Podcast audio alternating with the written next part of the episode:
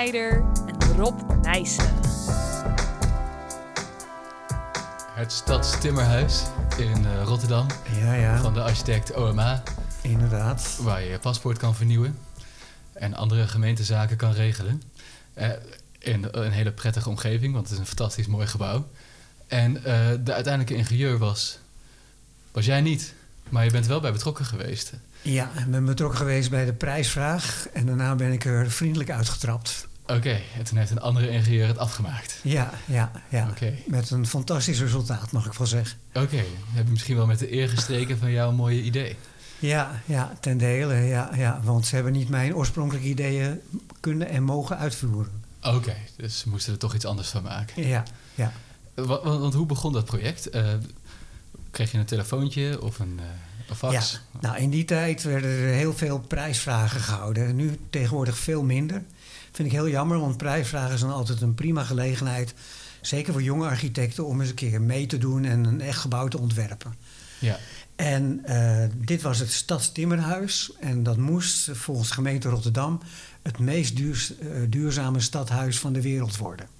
Aha. En daar hadden ze 10% extra budget voor over ten opzichte van een standaard eh, stadhuis. Ja. Maar goed, dat is een klein detail, onbelangrijk. Maar goed, dat zet wel de sfeer neer. Hè. Aan de ene kant ontzettende ambitieuze plannen. Hè. Aan de andere kant eh, eh, hand op de knip houden en geen cent te veel als een Zeeuws meisje. ja, een terugkerend thema in onze een podcast. terugkerend thema in mijn leven, mag ik wel zeggen. Oké. Maar, en in deze podcast zeker. Maar goed, ehm, weer terug naar het begin. Ze wilden dus een duurzaam stadhuis hebben. En in die tijd had je enorme discussies, nu nog steeds trouwens, hè, dat je een gebouw maakt om in te werken, een kantoor alleen. En daarna wil je er weer een woongebouw van maken. Hè. Dat is heel moeilijk, van, van een kantoor een woongebouw te maken. Omdat een woning heeft hele belangrijke bouwfysische eisen. Geluidsisolatie, warmteisolatie, scheiding tussen de woningen, noem maar op, brand. eh. Dus het is heel kostbaar om een kantoor te veranderen in een woning. Maar de opgelegde belasting voor een kantoor is 2,5 en voor een woning 1,75 kilonewton per vierkante meter. Ja, dus een- is het goedkoper. Hè? Ja. Ja, dat is voor de belasting wel zo natuurlijk. Maar wat ik net zei, hè, de, de woningen worden heel belangrijke bouwfysische eisen gesteld. En dat gooit alles in de war. Hè. En denk aan brandveiligheid. Kantoor hoef je alleen maar eh, sprinklers in op te hangen. Bij een woning eh, waar mensen in slapen, hè, dat is vooral een belangrijk criterium. Is het zulke grote eisen, dat wordt eh, allemaal heel anders. Ja, oké. Ook akoestiek Ja, natuurlijk. ja, goed. Maar wat wilde de gemeente Rotterdam in zijn eh, streven naar een duurzaam mogelijk gebouw? Ja. Wilde een gebouw, een skelet neerzetten. Wat eigenlijk vrij aanpasbaar zou zijn. Hè? Dat je zegt van nou oké, hè, de woningmarkt explodeert nu. Hè, dus eh, we gaan ons kantoren afstoten. Iedereen gaat thuiswerken. Dus eh, we gaan er nu een woningen veranderen. Hè? Dat wilden ze allemaal hebben. Dus verzagen eigenlijk al dat er een coronapandemie aan zou Wat dat komen. betreft zijn het geweldige voorspellers, eh, Ja, die ja. Rotterdammers. Oké. Ja, maar in ieder geval, dat moet wel mogelijk zijn. Dus daar begonnen we eigenlijk de discussie met OMA over. En het begon heel open en, en eigenlijk vrij nog, hè, van wat kunnen we doen. En eigenlijk merkte ik al eh, in de eerste reacties van, eh, van architecten, betrokken architecten. Wie waren dat? Waren natuurlijk eh, in eerste plaats Rem Koolhaas, maar die zag je niet zoveel. die kwam af en toe eens kijken of alles goed ging. Ja. En, maar vooral Reinier de Graaf, dat was eigenlijk de projectarchitect die dit werk leidde. Oké. En Reinier had in zijn hoofd zitten om een soort, wat in die tijd eh, heel vrij nieuw was en nu nog steeds is, de pixelgebouwen. Hè? De gebouwen uit kleine eenheden opgebouwd. Ja. Hè, en die konden ze dan groter en kleiner maken. En dat was ook een belangrijk eis eh, van de gemeente. Dat het moest uitbreidbaar zijn en weer inbreidbaar als het niet meer gebruikt zou worden. Dat het gebouw eigenlijk kon krimpen en zwellen binnen bepaalde marsjes. Ja, ja, dus het idee van flexibiliteit en modulariteit Ja. komt dan in Ja. de vormentaal ook een beetje terug Ja, natuurlijk. ja, eigenlijk dat het gebouw mee kan groeien met de ontwikkelingen eigenlijk. Hè. Dus als de hoogbouw in Rotterdam eh, zou eh, verder beginnen, dan zou dit langzaam moeten uit kunnen groeien naar een hoogbouw. Dat kan natuurlijk niet 100%, want je moet de fundering wel al, nu al de grond in stoppen. Ja. Hè, maar dat was de grote lijn die in het ontwerp zat. Dus oma kwam al vrij snel met een soort pixelachtige eh, plaatjes. Hè, waar sommige delen omhoog gingen, grote uitkragingen in zaten. En we hadden het al over hoe kunnen we dat nou bouwen.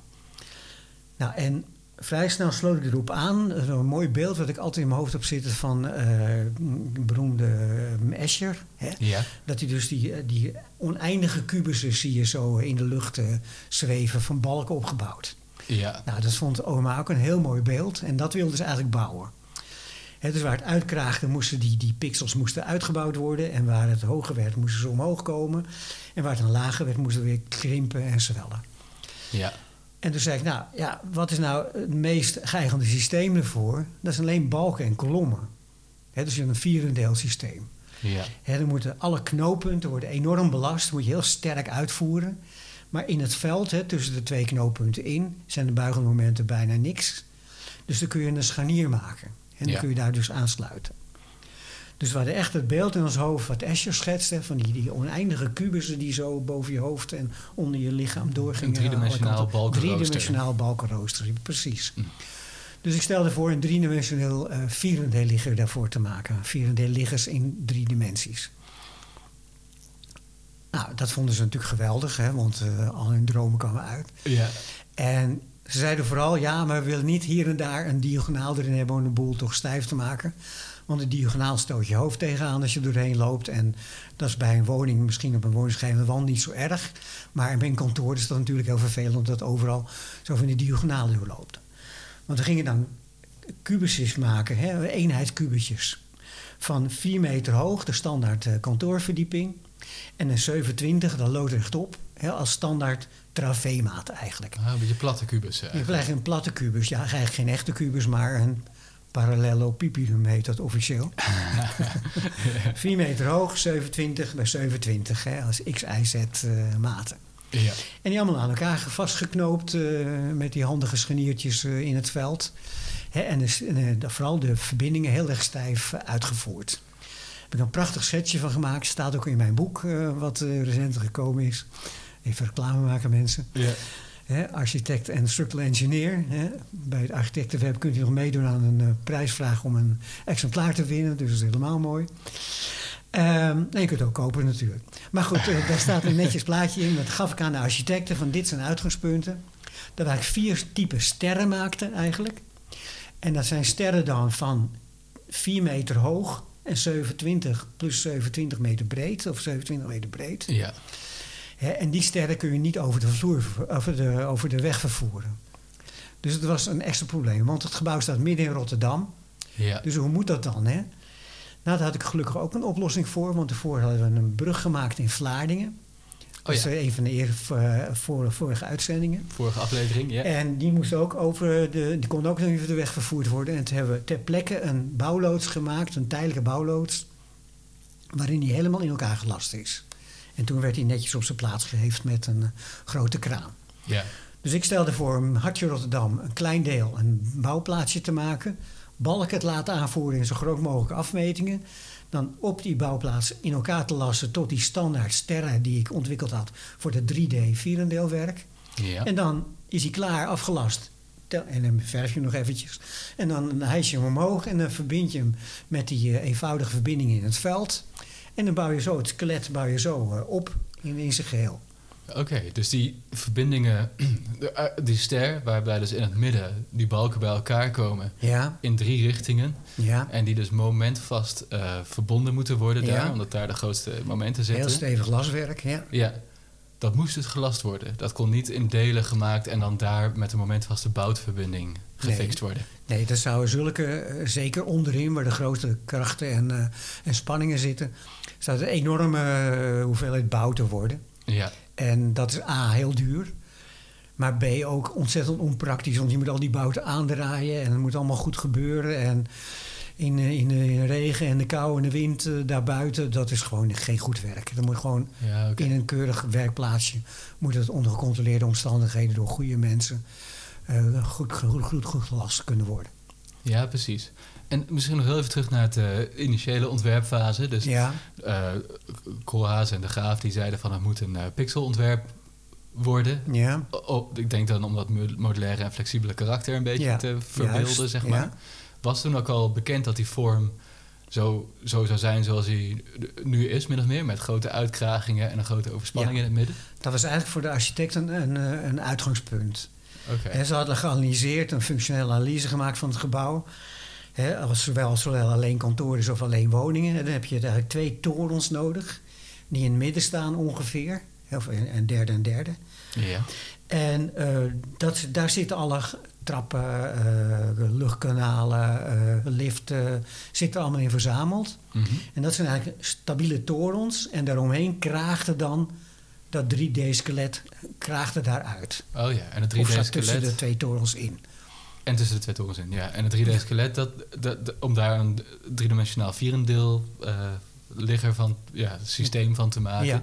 dat, dat was jouw toevoeging eigenlijk. Ja, ja. En dan hoe dat in elkaar gezet ja, ik wil worden. zeggen, het is een briljant idee van Rob Nijzer. Maar dat sta- ontstaat natuurlijk... Hè, de vierendeelliggers komen van de Belgische professor eh, Vierendeel... die brug over het Albertkanaal maakte in het einde van de 19e eeuw.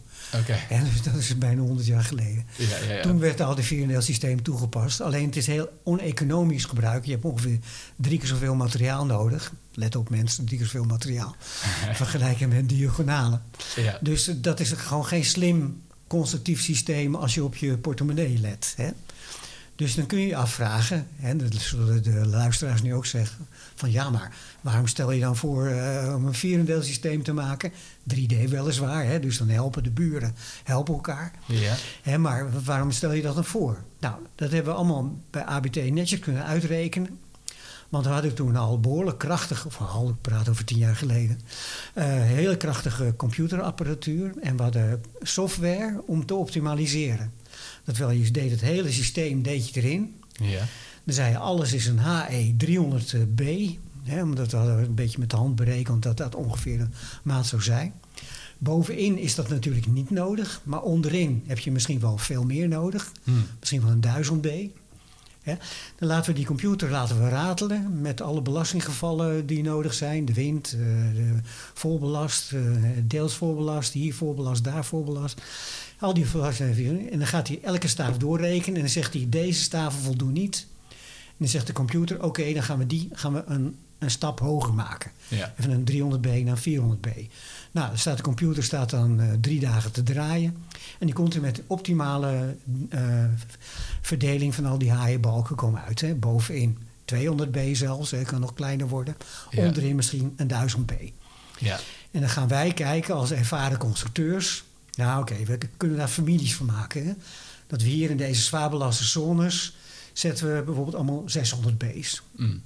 En hier zetten we eh 300 B's. En zo proberen we dan families te maken om het aantal variaties, want ik kan niet elke balk eh, uniek zijn. Hè? Zou nog kunnen eventueel, maar dat is wel ontzettend veel gedoe. Ja. Hè, dat we het zo hebben we het uitgewerkt. Nou, we hebben het uitgewerkt en toen kwamen we erop dat een 500B als algemene keuze zou het beste zijn. Op sommige plekken moesten we dan zwaarder worden, maar dat hebben we er eventjes eh, in geparkeerd. Ik praat nu over de prijsvraagsituatie hoor. Ja, ja, ja. Dan kun je een gebouw nog niet helemaal 100% uitrekenen. Is de tijd en de geld er niet voor. Eh, dus toen hebben we het zo uitgerekend en toen hebben we gezegd... nou, we komen ongeveer uit op 70 kilo de vierkante meter. Dat hebben we doorgegeven aan de kostenmensen. En die hebben toen de kosten van ons prijsvraagontwerp daarmee berekend. In een 3D vierendeelmodel. Oké. Nou, we vonden de prijsvraag, hiep hiep hoera. ja. Iedereen blij. Toch was ABT en ik zeker niet, niet blij. Want dat bleek dat onze slimme ambtenaren van de gemeente Rotterdam... hadden in de kleine lettertjes gezet van... als de prijsvraag gewonnen wordt... worden daar de, de adviseurs hè, voor de installatie... bouwfysica, brandveiligheid en ook constructie... worden in een Europese aanbesteding bepaald. Oké. Dus nou, dat hadden we ons helaas niet goed gerealiseerd. Dus eh, nou ja, goed, dan moeten we meedoen. En dan krijg je nog een andere rare situatie. Dat oma had weliswaar gewonnen, volgens de jury die dat bepaald had. Ja. Maar de collega's, architecten, waren er natuurlijk niet blij mee. Want die hadden ook een hoop geld en tijd erin gestopt. Ja. En dan praat je echt over tonnen hoor, als je een zo'n groot gebouw eh, goed wil uitwerken in alle aspecten. Want dit was in een tijd, eh, voor even de context, Ja. waar het niet goed ging met de architectenbureaus, geloof ik, hè? Dit was... eh, Nee, we praten over 2008, 2009. Ja. En dat was net toen de financiële crisis begon. Dus iedereen voelde de bui al hangen dat de economie kwam tot een eh, krakende stilstand. Ja, ja. Dus Ja. iedereen wil, was heel... dolgraag dit werk hebben. Ja. Ja. Ja. En waren er ook eh, bijna, hun leven was er bijna van afhankelijk. Hun, eh, Eigenlijk wel, ja, ja. Want als je een verlies hebt op, op een werk van, van een paar ton... Ja, dan kun je wel zeggen, ja, maar je volgende week moet je het inhalen. Maar als dat volgende week er niet is, of heel weinig... dan heb je een, een grote broek, eh, scheur aan je broek. ja, oké. Ja. Dus die begon met een rechtszaak. Die zei dat ja, het is niet netjes gegaan. En dan gaan ze het allemaal nakijken. Hè? Want het is natuurlijk een groot programma van eisen. Je moet hier aan voldoen, daar aan voldoen. De brandweerendheid moet dit. De bouwfysische moet dit zijn. Er moet zoveel licht naar binnen komen. Eh, Allemaal die kleine regeltjes. Hè? Dat gebouw moet doen, voldoen aan het bouwbesluit natuurlijk. Hè? Ja, Er wordt allemaal gaan ze op alle slakken zout leggen. oké. En natuurlijk, hè, in, het is een prachtig spreekwoord. Het is in het bos vind je altijd een stok om een hond te slaan. Dus ze vonden een heleboel stokken in het bos om eh, OMA te slaan. En bij de rechter. En jullie ook, toch? Ja, en ons ook natuurlijk. Jullie zitten ook in team. Het team, Ja. ja. Om die eh, te straffen. En een heleboel argumenten waren er. En eh, ja, de juristen vinden het prachtig. Ik denk dat de juristen weer meer verdiend hebben in dit gebouw dan de ingenieurs. maar goed, dat is een hartekreet. Dus die, eh, er kwam, er kwam een rechtszaak van. Oma had zich heel goed voorbereid. Kost ook weer een boel geld natuurlijk. Hè, en ze hadden ook een van de, va- eh, de opmerkingen van de andere architecten was... die als groep optraden trouwens... dat eh, ja, de, het was een 3D-constructie, 4D-constructie... en dat zou zogenaamd voor 70 kilo de vierkante meter. Dat kon niet en ze hadden een 2D-skelet uitgerekend... en ze zaten al op eh, 100 kilo de vierkante meter. Oké, ze hadden ze een schaduwberekening gedaan eigenlijk. Schaduwberekening gemaakt, ja, ja, ja. Weliswaar niet echt met de computer, maar een beetje met handenberekeningen, met wat vuistregeltjes. Maar konden ze niet in jullie, eh, konden ze niet jullie berekeningsrapport inzien en dan zien dat het to- toch een gedegen eh, ont- constructief ontwerp was? Nee, zo diep zijn ze er niet ingedoken. Nee. Oké. nee. Het zijn echt alleen maar. eh, want ik weet niet of dat trouwens openbaar is, Ja, al die precies. eh, bijbehorende rapporten. De kostenbegroting natuurlijk wel, want dat moet inzichtelijk zijn. Hmm. Maar de onderliggende berekeningen, ook de bouwfysische berekeningen, installatieberekeningen. Ik geloof niet dat dat eh, erbij zit eh, Ah, in de openbare stukken. Het is meer dat je een juryrapport hebt en er staan dan punten per bepaalde onderdelen. En alles bij elkaar opgeteld was meer voor OMA dan voor de rest. En dan wint OMA. Zo werkt dat ongeveer. Ja, ja, dus die andere partijen die dachten dat jullie misschien gebluft hadden met die constructie. Ja, ja, duidelijk. Ja, duidelijk. En dat was niet zo? Nee, Oké. aten. ja, ik weet niet. Eh, nee, want, eh, want die vraag kwam dus ook van... hé, ja, hoe kan dat nou? Wat kun je daarop zeggen, Rob? Dat is nou heel simpel. We hebben een 3D-constructie gemaakt. Hè? Dat betekent dus niet allemaal parallelle eh, frames naast elkaar... maar dat er ook loodrechtop loopt eenzelfde frame er doorheen... En als het ene frame heel erg belast wordt er een heleboel mensen bij elkaar staan, dan verdeelt dat over een aantal frames. Die Ja. werken met elkaar samen. Dat is de 3D-werking. Nou, oké, dat was antwoord geformuleerd. En heeft de rechter ook eh, prima gesprek, want OMA werd toch eh, tot winnaar uitgeroepen. Misschien, ik ben toch eigenlijk wel benieuwd, eh, voor een kleine tussenstop bij de rechtszaak. Eh, heeft de rechter dan, eh, nou ja, er zitten dan twee partijen tegenover elkaar, denk ik. Eh, dus jullie in de verdediging Ja. en dan eh, de, de aanvallende partij, die- er zal ook wel een eh, constructiedeskundige bij zitten, die dat dan eh, beargumenteert. Ja. En heeft dan de rechter onafhankelijke constructeursbureaus die hem of haar helpen beoordelen wie er gelijk heeft? Of hoe gaat het ongeveer? Nee, ja, dat is heel ingewikkeld. En dan zou een jurist weer eh, twee podcast-uitzendingen aan kunnen wijden. maar de rechter kijkt alleen naar wat zijn de criteria, wat zijn de punten die toegedeeld is en is dat terecht. Daar kijkt hij naar. En als OMA dan bijvoorbeeld in mijn, in mijn geval van de constructie zegt van ja, maar ze hebben een 2D-frame uitgerekend in plaats van een 3D-frame, dan zegt de rechter automatisch: oké, dat klopt dus niet. Hè. Dus dan vervalt het argument. Ze gaan niet dieper in. Hè. Dat, eh, maar die rechter, die is juridisch geschoold en niet, Ja. eh, is niet naar de TU gegaan. Dus nee, maar de rechter zegt dus, als juridisch geschoold iemand, wat die moet beoordelen wat de, wat de eisen zijn, zegt: oké, jullie komen met het argument, is met 2D uitgerekend dat het niet voldoet. Ja, En de tegenpartij, OMA, geeft het antwoord: ja, maar het is 3D uitgerekend.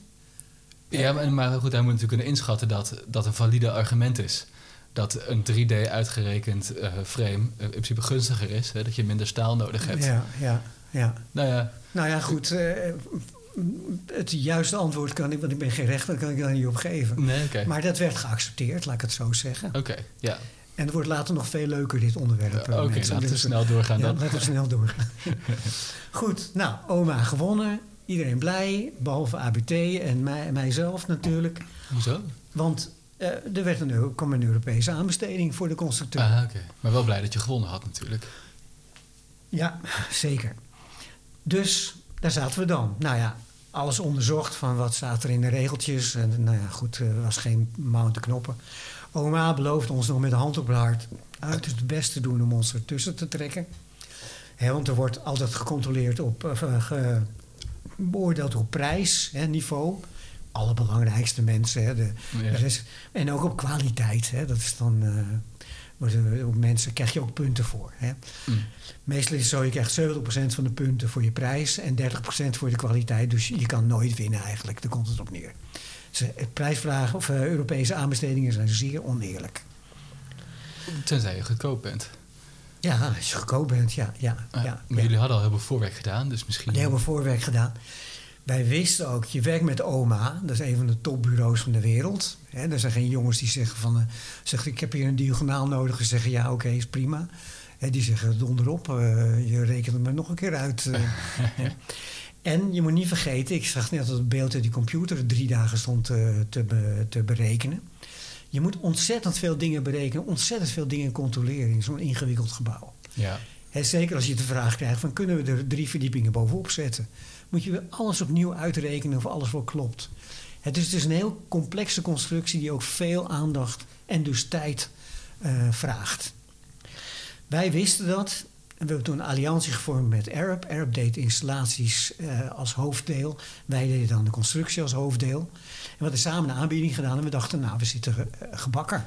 Ja. Want A, wij kennen het gebouw. B, we kennen het eh, prijsvraagontwerp. En C, eh, wij zijn gerenommeerde bureaus. Dus ja, je kunt moeilijk om ons heen. ja. Maar ja, helaas bleek bij de gemeente Rotterdam eh, toch een paar Zeeuwse meisjes in dienst te hebben. Die elke cent te veel, te veel, zijn te veel vonden. Dus onze collega-bureaus, vrijwel allemaal, hadden dik onder onze prijs ingeschreven. Hè, zelfs wel tot een derde van onze prijs, een vierde zelfs. Oh ja. Dus, en die kregen de opdracht. Ja, dat Nou, is ook niet gek natuurlijk. Nee, als, eh, nee. Ja, maar- want ik, ik zie, ik zie die ambtenaar al zitten. Aanbiedingen van ABT en Arab. Aanbieding van eh, bedrijf, bedrijf X. Ja, ja moeten we daar vierde mee? van de prijs. Ja. En kijk eens, ja, dat bedrijf X eh, dat heeft ook prachtige gebouwen neergezet. Hè? Ziekenhuizen, stadions, hoogbouw in Rotterdam, noem maar op. Hè, dus nou, er moeten wel goede mensen zijn. Dus nou, dat, dat, waarom eh, ABT nou zoveel geld nodig heeft, dat is mij een volslagen raadsel als eh, eenvoudig ambtenaar. Ja. Goed, dus ja, jammer hè. Eh, krijgen we wijze van spreken. Ik kon nog, eh, oma heeft nog geprotesteerd, dat weet ik. en uitgelegd van ja, maar dit en dat zo en zo. Het is een heel vooruitstrevend eh, experimentele constructie. Hè, dat, eh, die ook weer uitbreidbaar is en weer inbreidbaar is als het nodig is. Kan je woningen in kantoren veranderen zonder extra kosten voor de constructie. Ja. Allemaal mogelijk. Geen diagonale, dus geen eh, fysieke belemmeringen bij het gebruik. noem maar op. Nou, totaal niet belangrijk. Want, dat ben ik vergeten te zeggen. De gemeente Rotterdam had ook een van de vragen die ze bij de uitschrijving voor de prijs hadden van de constructeur gezegd. Heeft u nog ideeën om dit gebouw goedkoper te maken? Nou ja, dat Ah, was natuurlijk, de deur was al opengezet om te zeggen van plemp het maar vol met diagonalen. Want dan wordt de constructie drie keer zo stijf van, hè, tussen eh, ongeveer. Ja. Hè, en dan bespaar je een hoop eh, staal. Hè. Ja. Dus dat las die ambtenaar, dat Zeeuwse meisje, las het ook weer. Van oeh, geen cent te veel. Dat is een goed idee, hè, die moeten we hebben. Terwijl OMA dat helemaal niet wist. En Ah. OMA had wel gezegd, ja, dat willen we niet. Maar ja, goed, je weet hoe het gaat in de wereld. Hè. Dan denken ze, nou, dat zoeken we later wel uit. Dat eh, proberen we later dus wel. Dus de Europese aanbesteding ging eh, niet alleen over de, het bedrag wat de, het constructeursbureau zelf als vergoeding wou, maar ook eventuele eh, besparingen die zij voor Ja. eh, ja, de aannemers en En materiaalkosten. werkervaring natuurlijk. Hè. Ben je gekwalificeerd om zo'n groot, ingewikkeld gebouw aan te kunnen? Ja. En jullie hadden geen besparingen voorgesteld. Nee, omdat wij de prijsvraag gewonnen hadden. Dus we dachten, nou, dat, is dat is geaccepteerd ontwerp. ontwerp zonder diagonalen. Dus Ja. dat moet wel eh, goed zijn. Oké, dus dan. Dat is misschien wel een, eh, vervelende telefoontje dat je dan krijgt. Als je hoort dat, dat ABT niet verder mag met, ja, het, eh, heel vervelend. met Ja, het verder uitrekenen van het gebouw. ja. En zijn jullie toen ook, eh, net als eh, die architecten die de prijsvraag hadden verloren, naar de rechter gestapt? Of eh, wat- hebben jullie nog stappen ondernomen om het aan te vechten? Nee, we hadden weinig om op te staan. Dus, de, en de- deze situatie komt heel, va- heel vaak voor. Oké. Het is met ingenieursbureaus zo, net als met aannemers. Hè. Je hebt een bepaalde werkvoorraad. En als je ziet dat je werkvoorraad in de toekomst afneemt, hè, je onderhanden werk, Ja. Dan denk je, oh, we moeten nieuw werk hebben. Hè. Oh, kijk eens aan. En het was ook nog de crisistijd, net de financiële crisistijd. Dus alle ingenieursbureaus wilden graag dit werk hebben. En dan denk je van, nou, ga je proberen uit te rekenen wat je kostprijs is. Dat is natuurlijk heel moeilijk. Nou ja, een beetje aan de grens gaan zitten. Hè. Als we het werk binnen hebben en we zijn binnen, dan gaan we wel eh, zeuren van, eh, oh, ik moet dit extra doen. En ik heb niet gerekend. Ja, jullie zeggen, we moeten diagonalen inbouwen. Maar dat heb ik eh, je wel gezegd als mogelijkheid. Maar daar heb ik geen rekening mee gehouden met mijn prijs. Dus dan begin je weer te zeuren en dan kun je die prijs weer opvoeren. Ja, Wat dus oké. ook gebeurd is dus. Hè. Maar goed, afgezien daarvan, je hebt er geen poot om moeten staan, dus je moet gewoon je verlies nemen en denken van ja, oké.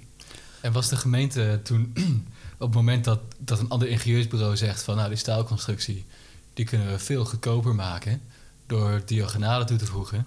Ik kan me voorstellen dat een ambtenaar dan zich misschien, eh, misschien wel belazerd voelt van wie probeert mij een veel te dure constructie aan te smeren. Ja, en dat wordt nog veel erger, Oké. want oké, afscheid genomen, pijn in mijn hart. Eh, OMA benadrukt ook van heel jammer en de volgende keer zullen jullie eh, nog beter willen helpen. Hè. Dat moet ik echt me echt eh, vertellen, dat het gebeurd is. Maar ja, dan gaat het leven gaat verder. Maar drie maanden later ongeveer kreeg ik een telefoontje van een ambtenaar van de gemeente Rotterdam. Waarschijnlijk dezelfde die onze prijs had beoordeeld. Die zei van ja, ik ben heel erg teleurgesteld in ABT. Want die hadden beloofd dat we prijsvraagontwerp dat 70 kilo de vierkante meter is. Ik heb nu hier een eh, berekening liggen van dat andere ingenieursbureau, wie naam ik niet zal noemen. Ehm, en die zeggen van ja, we hebben zeker het dubbel hebben we nodig. Want we hebben een berekening gemaakt en bla bla bla, kijk maar na. En eh, hè, er blijkt uit dat 140 kilo de vierkante meter nodig in plaats van ABT 70 kilo. Oké, voor een vierendeelconstructie. Voor een vierendeelconstructie. Ja. Maar, dat is mijn eerste vraag ook. Is dat een 3D-frame of is dat een 2D-frame? Ja. Ja, dat is een 2D-frame. Ik zeg, ja, dat, dat, dat, dat vergelijk je appels met peren. Daar klopt gewoon helemaal niks van. ja. Jij dacht weer een 2D-frame. Ja, Ja. ja, ja. Ik zeg zo. Ik zeg, en ik kan me ook voorstellen dat het andere ingenieursbureau. eh, dat die, dat zegt van ja, eh, kijk, ik maak even een snel een 2D-berekening, want die staat binnen 10 minuten in je computer. En een 3D-berekening, daar ben je wel wat langer mee bezig. Mm. Dus die, die, die, die maakt dat in deze fase met, met dat belachelijk lage honorarium wat jullie hem gegeven hebben Ah, ja. dat hij dat niet, eh, dat hij het niet kan doen. Ik zeg, maar, ik zeg, eh, je beschuldigt mij van dat ik loop te liegen. Ik zeg, ik wil bewijzen dat ik wel gelijk heb. Ik zeg, we spreken het volgende af. Jullie geven ons opdracht om een driedeels, een maatgevende driedeels stuk aan te wijzen door dat andere ingenieursbureau. ja. Dat we dat gaan doorrekenen, 3D, met onze ook optimalisatieprogramma's die we erbij inschakelen. Niet een eenvoudige berekening. En oh, dit moment is te groot, dus moet het een, een zwaarder profiel worden. Onze prachtige die, eh, de benaderingsmethodes met eh, optimalisering. Ik zeg, en als we gelijk hebben, dan krijgen we de opdracht. En als we niet gelijk hebben, dan, eh, dan hebben jullie geen kosten. En dan, eh, gaan wij, eh, dan gaan jullie maar kijken of je juridische stappen kan nemen. Maar heel veel jullie voorgelogen hebben, maar dan bekijken we het wel. Dan hoef je niet te betalen. Dus de gemeente Rotterdam die belt jullie op, zegt wat jullie eerder zeiden klopt niet. Het blijkt dat het veel duurder is. Ja, Dan zeg je nee, dat is niet zo, want zij hebben de 2D-berekeningsmethode gedaan. En het, niet geoptimaliseerd. Ja. Ja, precies. En je antwoord is, gemeente Rotterdam geeft ons een opdracht om een berekening te maken van een kritisch deel van het gebouw Ja, met de 3D ehm eh, eh, vierendeelconstructie. ja. eh, om aan te tonen dat we toch op die 70 eh, eh, Kilo, kilo 400 meter zat. Ja, Ja, precies. ja. En als, en als jullie gelijk hebben, dat je dan ook meteen de opdracht. Ja, nou moet ik eerlijk zeggen dat ik ben maar een eenvoudig constructeur. En ik heb meteen onze financiële directeur ingeschakeld, Gerard Doos. En die heeft gezegd van, oh, laat dat maar mij over. Ik ga wel de afspraken maken. En die heeft toen helemaal nette afspraken gemaakt. Tenminste, voor ons nette afspraken. Niet net voor de gemeente Rotterdam. Van, als dit gebeurt, dan gaat dat en dat gaat gebeuren. Ja. Nou, maar de gemeente Rotterdam dacht, ingefluisterd door het andere ingenieursbureau... van, eh, ja, dat, dat is een hopeloze zaak, hè. Dus eh, dat, eh, ja... Het is eigenlijk wel een soort wetje leggen of zo. of Ja, dat? Is, eigenlijk eh, wel. Ja, ja. Maar Ja. goed, wij hebben onze computer en onze jonge ingenieurs die we uit de TU Delft hebben aangetrokken om die optimalisatieprogramma's hebben we dag en nacht laten werken. Deden ze graag trouwens, zo moet ik erbij zeggen. Ja, dat is een leuke constructie. Ja. En we toonden aan dat we toch ongeveer bij die 70 kilo zaten. Aha. Dus, Dus, toen kregen jullie toch het werk? ja, zat de wereld maar zo in elkaar, Aten. Want wat was natuurlijk zo, dat andere ingenieursbureau, dat had al een getekende opdracht. Aha. Ja, en ja, dat is een opdracht. Dus de enige manier waar wij tussen zouden komen, en dat is ook overweegd, en dat is de Gerard Doos allemaal netjes uit onderhandeld, dat eh, we zouden wel mee mogen doen dan op een gegeven moment. Dan zouden wij de staalconstructie doen. En dan zou bij wijze van spreken de betonconstructie zou dan door dat andere ingenieursbureau gedaan worden. Maar er was nou met veel pijn en moeite werd het dan. eh, En we moesten dan. Zeiden we, ja, maar dan willen we onze oude prijs hebben voor dat eh, staalgedeelte. Vier keer zoveel. ja. En dat de andere bureau dat betondeel voor eh, de rest doet, dat, dat zien we dan wel. ja, ja, ja. nou ja, daar kwamen we dus niet uit. Nee, dat Dus op een gegeven moment zijn we aanhalingstekens afgekocht. Hè? Oh, dat wel? Oké. Ja, we hebben een vergoeding gekregen. Vraag me niet hoeveel, want dat ga ik niet vertellen. Nee. Maar eh, we hebben wel een vergoeding gekregen en toen hebben we toch afscheid genomen. Nou, toen ging het werk, het werd dan uitgewerkt. En nou, er kwamen toch wat diagonalen in. Oma ontevreden.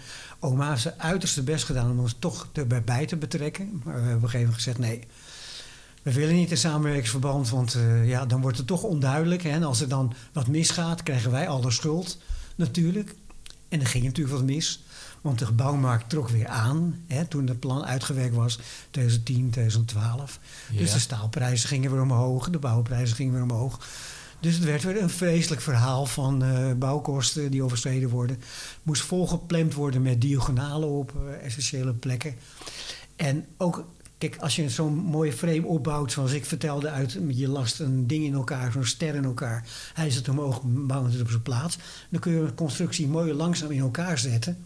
En is Ja. ongeveer allemaal even stij- stijf en sterk. En kun je van tevoren berekenen. Van dit moet ik ietsje hoger zetten. En dan zakt het uit. Als alle gewicht van de binnenwanden en de vloer erin zit. Dan zakt het horizontaal uit. Ja. kun je netjes uitrekenen. Als je een diagonaal op één plek zet.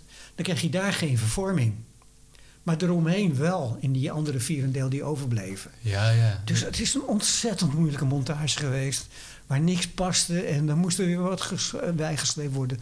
Dus het is een crime geworden voor de staalbedrijf eh Ah, dat oké. we uitgevoerd hebben. En het andere ingenieursbureau, wat dus voor een bodemprijs het rekenwerk heeft aangeboden, Ja, die wordt er dan ook elke keer bijgesleept om elke keer als iets niet past uit te rekenen wat voor zeeg of eh, ja. eh, en nodig die is. dienen weer een rekening in. Dus dan hebben ze Oh, toch nog een deel van hun eh, genomen verlies hebben ze kunnen corrigeren. Ah, oké. Het is niet zo dat zij echt helemaal door de mangel gaan dat ze geen nieuwe rekeningen mogen sturen en zo. Ik hoop van wel, maar Ah, weet het niet 100% zeker. Ja, ja, ja. Maar ik denk het wel. Als ze slim zijn, dan moeten ze wel. Dat moet wel kunnen. En ook terecht natuurlijk wel. Want de, de- eigenlijk zit de opdrachtgever in het begin. zit gewoon de boel ook eh, op scherp te zetten. ja. Door te zeggen: we willen het meest duurzame gebouw van de wereld hebben. Voor een 10% hoger budget dan een standaard kantoor eh, of een stadhuis. Ja, wat gek is, ik heb daar nooit iets over gehoord dat het zo'n duurzaam gebouw zou zijn. Nee, ik denk dat ze ook van teruggekomen zijn. Eh. Ook, eh, ja. Ja, oké. Maar in principe moeten, dus, moeten ze dus, wij spreken eh, morgen besluiten, we gaan weg uit eh, het centrum en we gaan daar woningen van maken. Wat ik wel verstandig zou vinden van de gemeente Rotterdam. Of ben je het niet mee eens, Aten, dat de stadhuis thuis hoort in, eh, in het centrum? Nou ja, dus misschien kunnen ze een ander gebouw. eh. Maar er, er, zitten, er zitten al heel veel woningen in ook, hè? Ja, ja, ja, zijn woningen. En daar betalen ze dus een stadhuis van. Ja, En ja. dat is wel slim ook natuurlijk. Ah. Ja. En er zit ook nog een, eh, een ja, die onderste begane grond die eigenlijk eh, vrij open is, doordat, Ja. doordat de de bovenconstructie uitkraagt, er overheen, vrij, ja, dus zonder kolommen eronder. ja, hè. ja. Eh, die, die wordt eigenlijk om, omsloten door een glasgevel. ja. Die ook een beetje lijkt op de glasgevel waar we het in een eerdere podcast over hebben gehad, namelijk met gebogen glas. ja, ja. Heb, je, heb je nog iets gedaan daaraan? Ja, zeker. Want eh, glas ligt dicht bij mijn hart en ik probeer Ja. altijd in elk project een, een bijzonder glasproject erin te krijgen. Ik heb hier nog geprobeerd in glazen vloeren in te, te bouwen, maar dat lukte niet. Oké. Ehm, wat, wat is daar de. Waar vielen ze over?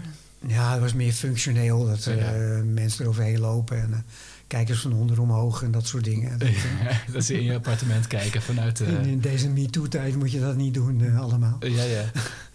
Dus eh, nee, dat, dat, dat, dat lukte dus niet. Dat vond ik niet zo erg ook hoor. Maar de gevel is natuurlijk een prachtig ding. Dat is het stadhuis, daar kom je om je paspoort te halen. En, eh, of als je problemen hebt met de gemeente, dan moet je een ambtenaar spreken. Dan eh, kom je daar en dan word je ontvangen en eh, spreekkamertjes. ja. En dus een mo- mo- mooie gevel omheen. En dan zeiden ze al, we hebben nog een gesprek gehad met Rem Koolhaas. Die dacht natuurlijk van we gaan weer iets. Ik ga iets speciaals maken. ja, Nou, had helemaal zin in een prachtige dag. Er staat ook in mijn, mijn boek prachtig beschreven. Heb ik echt een dag één op één met Rem Koolhaas zat te brainstormen van hoe kunnen we hier een bijzondere gevel van maken. En dat was een mooie ervaring en daar kijk ik met veel plezier op terug. En eigenlijk begin je dat te schetsen. Ja, zegt hij, eh, ik wil eigenlijk dat het lijkt of het gebouw op ballen rust. Eh, hè, of er allemaal pingpongballen onder liggen. Je hebt eigenlijk doosjes op ballen. Ja, Dan, ja. en dan glazen ballen natuurlijk. Hè. Dat, ja, ja. zou je dan willen hebben. Kan dat? Ik zei, nou ja, ik zeg, dat, dat kan natuurlijk eh, moeilijk. Maar wat we wel kunnen doen is een stevig stalen frame maken van balken. Ten eerste, dat hele vierendeel frame erbovenop, de driedeel vierendeel frame, dat draagt het gebouw. Ja, dus die gevel hoeft alleen maar de windbelasting te dragen. ja, dat moet ik wel benadrukken. Het is geen kolommen die het gebouw dragen. Het zijn gewoon de horizontale druk op de gevel en, en het trekken en drukken natuurlijk. Moet kunnen opgenomen worden door die gevel. ja. Dus jouw bollen maken we geen hele bollen van, maar halve bollen van. Dat kunnen we wel van glas maken. Oké. Dan maken we een frame van stalen balken die die winddruk kunnen oppakken en die windzuiging. En dan monteren we dan die, die, die eh, glazen bollen in. Nou, mooi systeem. Hè? Systeem 1. Toch nog lastig, denk ik, om halve bollen van glas te maken. Ja, dat kan. Dat, dat ja, kost wat centen natuurlijk, maar dat kan. Want in de vorige projecten had je een kromming in één richting. Ja, En nu dat is natuurlijk goedkoper. Ja. Ja, ja. Ja. Oké. Nee, maar kijk, bijvoorbeeld een autoruit is 3D gekromd. Ja, dat is Nou, waar. er wordt een heleboel van gemaakt. Dus eh dat moet een heel goedkope oplossing zijn, Aten. Oké, ja, ja, ja. Nee, dat is flauwekul natuurlijk. Dat is heel duur. Maar goed, ehm, dat was één. Het tweede idee van Rem Koolhaas was van... ja, eh, het zou heel mooi zijn als het gebouw als een soort hovercraft... zo door, eh, door, door het stadscentrum kon gaan. dat beeld had hij in zijn hoofd. Ja. Kan dat? Nou, ja, dat is eh, nog moeilijker. Maar wat we wel kunnen doen is maken we... Je hebt een rechte gevel. Dan maken we dan de, de stijlen, hè, de, de, de, de kolommen die erin staan... die de winddruk moeten opvangen... maken we dan recht onder het gebouw. Ja. En daar hangen we dan gebogen glazen platen aan... als een soort van de hovercraft. Hè, je dus die schorten eraan die je opblazen door de wind... als bollingen. Ja. Hè, die maken we aan de onderkant vast, de bovenkant vast... en die bollen dan zo eh, om, de, om de gevel heen. Nou, vond hij ook een prachtig idee. Maar heb je die balken dan nog voor nodig? Nou nee, ik denk, dan maak je een gekromde glasplaat. Je moet niet vergeten, het is 8, 9 meter hoog hoor. Dus, ja, maar eh, die balken zijn dan ook geklompt dan, denk ik. Nee, die had ik juist recht gemaakt. En dan met, met verticale steunpunten. Oh, oh ja, oké. Ja. Ja. Met- Want anders wordt het helemaal een... eh, dat, is- ja, maar we wilden wel een behoorlijke bolling hebben hoor. Dus dan zou je een hele kromme ballen krijgen. Ja, het zou wel kunnen, maar dat was niet mijn eerste gedachte. Nee, oké. het Dus een verticale ja. balk met horizontale steuntjes voor het glas. Ja, Ja. ja, ja. Nou, dat was ook mooi. Dan hadden we nog een, een derde en dan hadden we nog een aantal andere. Maar en een, een van mijn favorieten is ook wat we dan in het Engels heet de snake fin, hè, de slangenvin. Hè. Je maakt altijd glazen vinnen, die maak je recht. Ja. Dat is het meest over de hele wereld wordt het toegepast. Maar ik stel ervoor om ze de ene vlak te laten golven eigenlijk. Als een golvende, eh, als een slang, hè, die zo eh, omhoog gaat. Ja. Die kan heel goed de horizontale winddruk oppakken natuurlijk. Ja, Net zo goed als een rechte film. Ja, eh, bijna wel, bijna wel. Maar hij ziet er wel leuk uit. Hè? En hij hoeft niks te dragen van de bovenkant. Dus dat hij gegolvend is, is helemaal niet zo belangrijk. Maar ik kan wel mooi de winddruk dragen. Hm. Dus dan krijg je daar allemaal van die golvende vinnen. Oh, prachtig. Dan gaan we allemaal ongelijke golven. Een klein golfje, een grote golf. eh, noem zo werd die gevel opgebouwd. Maar ja, dat was de prijsvraagsituatie nog. En ja, we werden eruit getrapt. Dus ik kon ook niet een mooie idee eh, aanleveren.